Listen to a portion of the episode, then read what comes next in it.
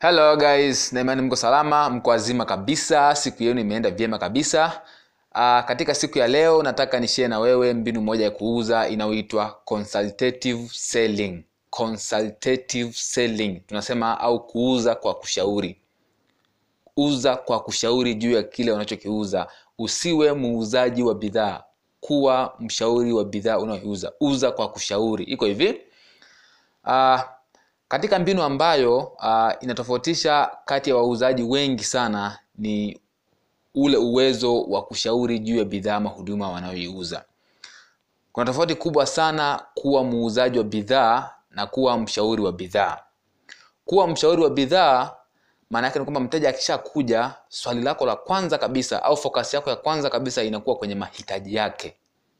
Okay? Lakini kuwa muuzaji wa bidhaa ama huduma yako kubwa inakuwa ni kwenye kuuza bidhaa ama huduma. Sasa point iko hivi. Asilimia 99 wanaouza bidhaa kwa wingi sana huwa wanatumia consultative selling. Na sio selling as selling tunasema. Yaani wanatumia uh, mbinu ya kushauri juu ya kitu anachokiuza na sio mbinu ya kuuza bidhaa kama bidhaa. Iko hivi. Kinachomfanya mteja anunue bidhaa haraka au afanye maamuzi haraka ya kununua ni ile nia yako kwake ni, ni, ni nia gani kama nia yako kwake kama nia yako wewe kwake ni kumuuzia bidhaa ama huduma kuuza inakuwaga ngumu sana. Lakini kama nia yako wewe muuzaji ni kumsaidia huyo mteja kutokana na shida alionayo ili bidhaa yako itatue tatizo lake basi kuuza inakuwa rahisi sana. Nichukulie mfano. Umekuwa labda unauza bidhaa fulani then mteja uh, mteja akaja.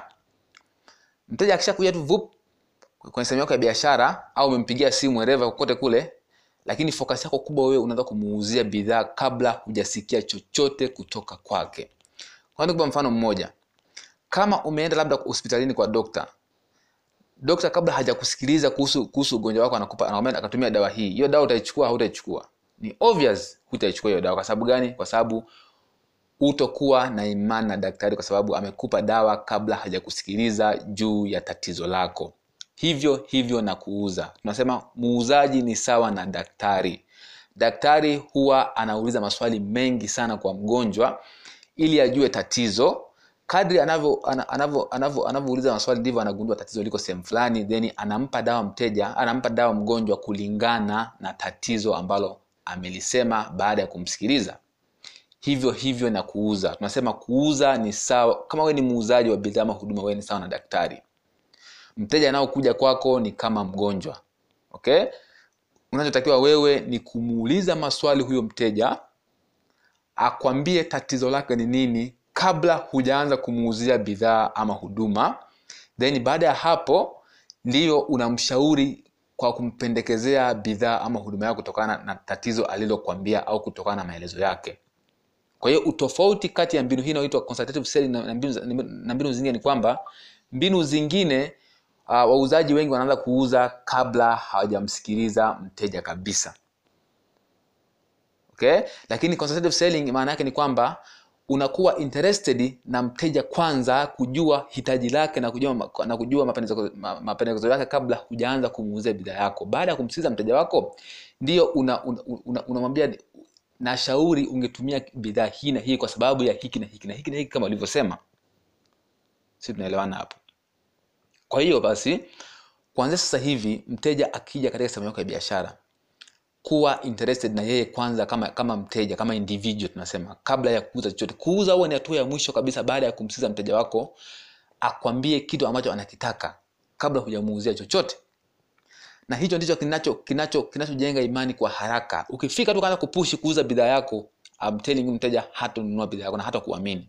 Kwa sababu atajua wewe ni muuzaji na huna nia ya kumsaidia na ndio maana mnaweza kama mnauza bidhaa moja mwingine akauza mwingine asiuza kwa sababu mnatumia mbinu tofauti za kuuza. Huyu anayetumia mbinu inayoitwa consultative selling atauza kuliko mtu anayetumia mbinu, mbinu yoyote ya kuuza. Kwa sababu mbinu zingine za kuuza watu wanaanza kupush kuhusu bidhaa ama huduma zao kabla hawajasikia chochote kutoka kwa mteja wao. Ndio maana unaambiwa hivi njia yenye uhakika ya kukosa kuuza bidhaa yako ni kuanza kuuza bidhaa kwa mteja kabla hujasikia chochote kutoka kwa mteja huyo. Hiyo ndio mbinu iliyothibitishwa ya kushindwa kuuza chochote kile. Kwa hiyo kuuza huwa kuna kuja mwishoni kabisa baada ya kumsikiliza mteja wako anahitaji kitu gani. Then unampendekezea bidhaa yako kama suluhisho kutokana na jinsi alivyokwambia okay na vile vile pia au tunasema hivi ukiona bidhaa mahuduma yako haisolve tatizo la mteja usimuuzie maana tunasema hii mbinu inaitwa consultative selling. Maana yake ni kama unakuwa ni mshauri. Zaidi ya muuzaji unakuwa ni mshauri wa hiyo bidhaa unayoiuza. Kwa hiyo inakuwa rahisi kuiuza na vile vile ukishakuwa mshauri wa mteja ni rahisi kukuamini na vile vile hata kama anataka kununua bidhaa yote nje ya kwako lazima atapitia kwako kwanza apate ushauri kabla ya kwenda kokote kule. Kwa hiyo kama bidhaa yako haifanyi kazi fulani kwa mteja usiiuze. Mwambie bidhaa yangu haifanyi kazi hii na hii. Yaani baada akishakwambia ukaona bidhaa yangu haisolve tatizo hili usimuuzie mteja kwa sababu unaweza ukamuuzia sawa lakini akienda kuitumia na asione asione asione solution ya tatizo lake umeisha umeisha mkosa moja kwa moja na vile vile atakutangazia taarifa mbaya kwa hiyo utakosa wateja wengi zaidi kupitia mteja mmoja. Na mistake watu wengi wanaoifanya ni kwamba wanauza bidhaa kwa wateja ambao ambao sio sahihi kwenye bidhaa zao kwa sababu labda wanataka wapate pesa. Hiyo hilo ni kosa usimuuzie mteja bidhaa ambayo haimsaidii kutatua tatizo lako kwa sababu mwisho wa siku atakuchukia na hataona umuhimu tena wa kununua bidhaa yako siku nyingine na umeshamkosa moja kwa moja. Lakini ukimshauri na kumwambia kutokana na tatizo lako bana bidhaa yangu haifanyi hiki lakini ungetumia bidhaa fulani ingekuwa ingekuwa vizuri zaidi. Na unaweza ukashangaa kanunua bidhaa hiyo na kanunua na kwako pia. Huo ndio iko hivyo kwenye kuuza. Kwa hiyo tumia mbinu inaitwa consultative selling ndio maana inaitwa consultative maana inatokana neno consultant mshauri kwa hiyo unauza bidhaa kwa kushauri sio kwa kuuza. Uh-uh. okay kwa hiyo kitu cha kujua hapa ni kwamba mteja anapokuja katika sehemu yako ya biashara hakikisha unamsikiliza kwanza yeye kabla hujaanza kumuuzia bidhaa ama huduma yako. Unamsikiliza kwanza kabla hujampa solution ya tatizo lake. Usianze kumuuzia tu na hii ni mistake ambayo watu wengi wanaifanya sana kwenye kuuza bidhaa za kawaida. Unakuta mtu anakufuata tu hey, bidhaa hii ni shilingi elfu kumi hii shilingi elfu mbili. You see hajakusikiliza kwa chochote kabisa kuhusu kwako. Yani hajakusikia wewe una tatizo gani au unahitaji bidhaa anaanza kukuuzia you see kwa hiyo unakuta mtu unakuwa unamkera unaona. Lakini ukitumia mbinu rahisi ukamuuliza maswali kwanza then ukajua kama ana uhitaji wa hiyo bidhaa. Na kama hana ama ana uelewa na bidhaa toa elimu kwanza kuhusu hiyo bidhaa kabla hujaanza kumuuzia then baadaye unapendekeza una bana kwa nini usingechukua bidhaa hii? Kwa sababu kwa sababu inafanya hivi na hivi na hivi kutokana na jinsi ulivyosema hii itakusaidia ita kutatua tatizo lako kwa sababu tayari umeshamsikiliza na umeshajua tatizo lake liko sehemu gani. Ni maana tunasema hivi ukimsikiliza mteja wako vizuri hutokuwa na kazi ya kuuza bidhaa kwa sababu mteja wako atajiuzia bidhaa mwenyewe kwa sababu atakwambia kabisa anahitaji kitu gani kwenye bidhaa yako na ukishamsikiliza mteja wako kuuza inakuwa rahisi kwa sababu gani kwa sababu utaongea vitu ambavyo mteja amekwambia uongee kuhusu bidhaa huduma yako. Kwa hiyo usipomsikiliza utakuwa unaongea vitu ambavyo mteja havihitaji kwa hiyo utakuwa unapoteza muda. Na utakuwa unamkera mteja pia. Kwa hiyo jitahidi kutumia mbinu hii inayoitwa consultative selling itakusaidia sana kuongeza mauzo ya bidhaa ama huduma yako. Mbinu hii ni very special na watu wengi sana wanaitumia na ukiitumia kwanza sasa hivi itakusaidia sana. Kuwa kuwa zaidi ya muuzaji kuwa mshauri kuwa daktari kabla hujampa mgonjwa dawa msikilize kwanza ili ujue tatizo then umpe dawa kulingana na tatizo lake. Sio kwa sababu nataka umuuzie dawa no. Kwa hiyo msikilize sana. Kama ilivyokwambia kwamba uh, mbinu hii itakufanya ujue tatizo la mteja nini kabla hujamuuzia na itakuwa rahisi sana kuuza bidhaa kwa sababu tayari umeshajua mteja anahitaji kitu gani. Kwa sababu tayari kashakwambia ana tatizo gani ndio itakuwa rahisi kumuuzia. Na vile vile mteja kumsikiliza na ukimwambia bidhaa hii ina tatizo lake ni rahisi kuamini kuliko kama hujamsikiliza na naamini na kumsikiliza naamini kama tayari mtu ananiheshimu na atanipa utatuzi wa tatizo langu. Kwa hiyo sikiliza kwanza.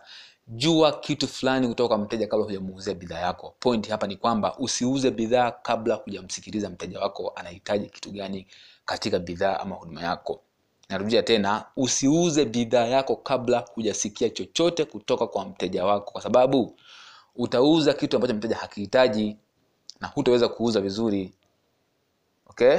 Kwa hiyo kuwa mshauri wa hiyo bidhaa unayoiuza na sio muuzaji kama wauzaji wengine. Na hiyo itakupa itakupa extra itakupa itakupa extra credit yani itakupa uh, faida nyingine ya ziada ambao watu wengi hawana. Na kama nilivyosema mwanzoni kwamba upo katika biashara ya watu sio biashara ya bidhaa. Kwa sababu watu wanaonunua bidhaa ni watu na sio bidhaa. Kwa hiyo inabidi wajue kwanza watu kabla hujawauzia bidhaa. Kwa hiyo usiende kinyume tunasema asilimia themanini ya mauzo ni watu na asilimia ishirini ya mauzo ni bidhaa. Kwa hiyo nguvu kubwa iweke kwenye watu kwenye kwa, iweke kwa mtu kwanza binafsi kabla huja push kwenye bidhaa. Bidhaa ni asilimia ishirini tu lakini asilimia themanini nitakuwa umsikilize mtu kwanza ili akuambia anahitaji kitu gani. Kwa hiyo tumia mbinu hii itakusaidia sana na kama una swali basi utauliza. Asanteni sana